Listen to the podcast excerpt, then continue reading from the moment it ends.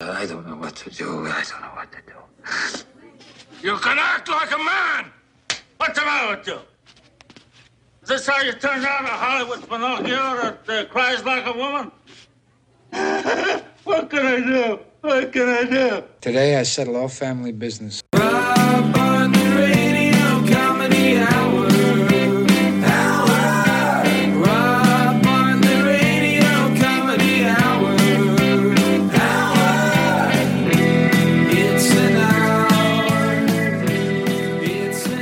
Welcome to the Rob Bartlett Radio Comedy Hour. I am Rob Bartlett, and this is my Radio Comedy Hour.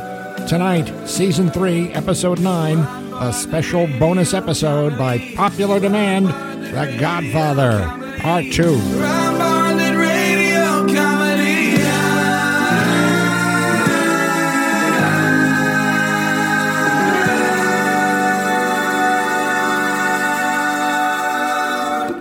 Well, we got an unprecedented response to our last episode, the best of The Godfather, some of my favorite pieces from the Imus in the Morning program, in which I did one of my more popular characters, my Godfather character, my Don Corleone. If you have not yet heard that one, I urge you to do so. You'll find it where you found this episode, and if you are a subscriber, it should be right there on your playlist, which is yet another reason why you should subscribe, boys and girls. And while you're at it, leave us a review on Apple Podcasts. It helps the show get out to more people, helps them find us. Anyway, enough of them. The last episode was such a hit. We had so many downloads that I went looking on YouTube to find some more of them. And I was able to locate three relatively decent ones. On the first bit, Don Corleone comments on the 2014 midterm elections. On another, The Godfather compares Imus to Jesus. And on yet another, the Don gives the other Don, the I Man, a hard time. And to Imus's credit, there's nothing he liked better than when one of us would get on him about something. So, qualcosa in più per farti ridere. Here's a little something extra to make you laugh. How did things ever get so far? I don't know. That's what I'm saying. Please welcome now to the Imus Morning program, Don Corleone, the Godfather. Good morning, Godfather. Good morning, Don. I'm a, I believe in America. I raised my sons in the American fashion, taught them to do whatever it takes to grab everything with both hands and kill anybody who gets in the way. At least that's the way the Pilgrims did it with the Indians. But then I also taught them the value of voting.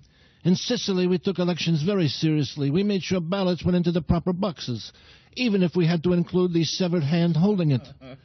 We also allowed our women to vote for whichever candidate we told them to. You know, to appease them, make them think like they were making a difference. it was cute. But there is no one here in this election to vote for. Like this Mitch McConnell, questa tartaruga cercando avevano. What? That Cecil the turtle looking douche nozzle. Oh, man. Remember the Cecil from the Bugs Bunny? No, of course. I love that little guy. this McConnell is not so likable. He's from Kentucky, you know, where the men are men and the goats are skittish. Kentucky, where their version of Match.com is a family reunion. This McConnell appears to have the same long, blank, vacant stare you frequently find on those drooling, barefoot men standing outside the smokehouse in the Blue Hills, missing a nucleotide or two from their DNA strands.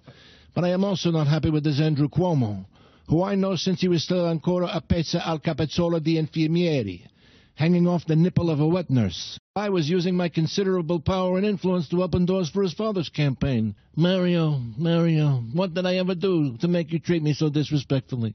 Your son Andrew makes this women's equality party. He does not act like a man.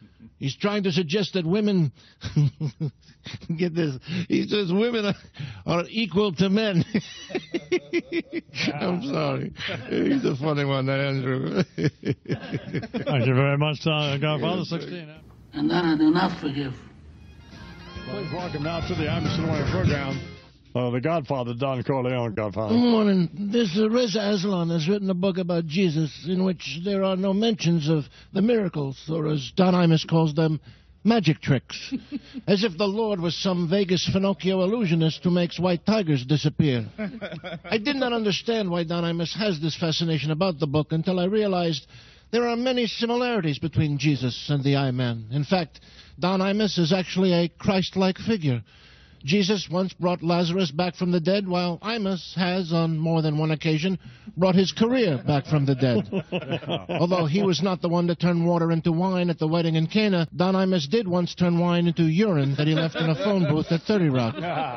Jesus asked, What good will it be for a man if he gains the whole world yet forfeits his soul? While Don Imus is the man who gave us the words of wisdom, Are your peaches fuzzy? but in fact, in some ways, Don Imus is actually bigger than Jesus.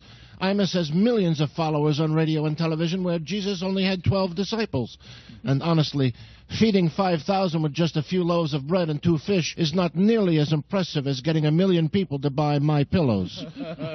Both are controversial figures who've been crucified for their words, although in Don Imus's case, the crucifixion was not literal unfortunately.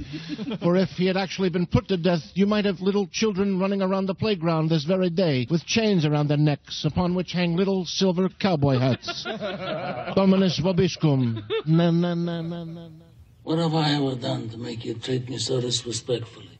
All right, please welcome now to the Imus in the Morning uh, program our old friend Don Corleone, the Godfather. Good morning, Godfather. Good morning. Don Imus is a man of many enthusiasms. Hmm. He enjoys tirare fuori le alle vola girovagando per la schimmia in gabbia con un bastone, pulling the wings off flies and poking at the monkey in the cage with a stick. He delights in misery, not just that of others, but his own.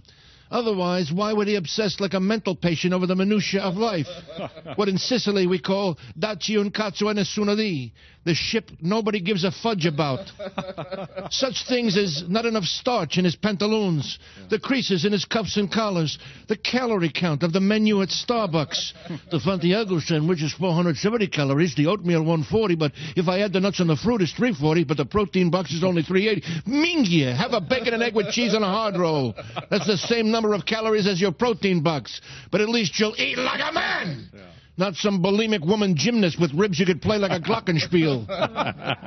but the latest obsession of Don Imus is the most disturbing of all. This Richard Price, a writer of novels, whose latest book he published under a pen name, Harry Brandt, as well as his own name. He collaborated with himself, I suppose. Perhaps he thought the book was too good to give this fictional novelist all the credit.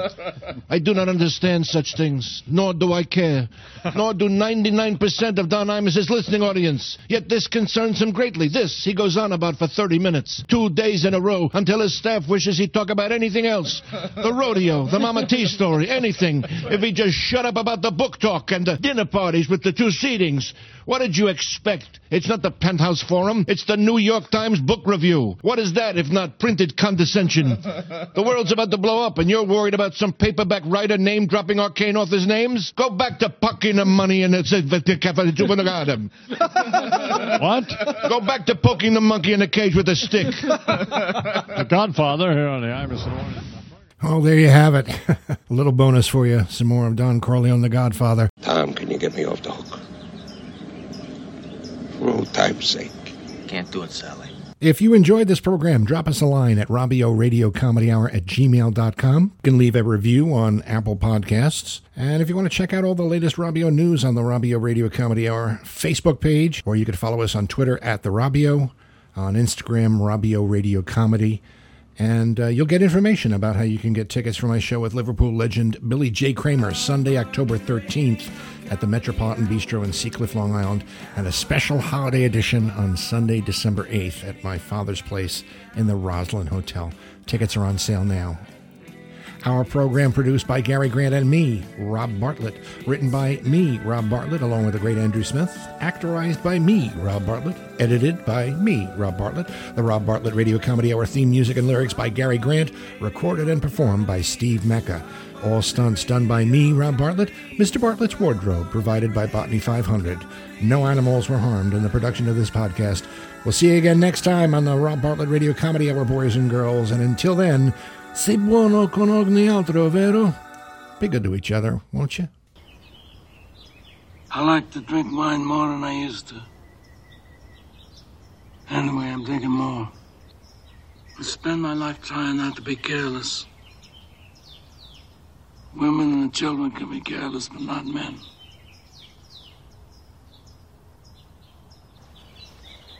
What's the matter? What's bothering you?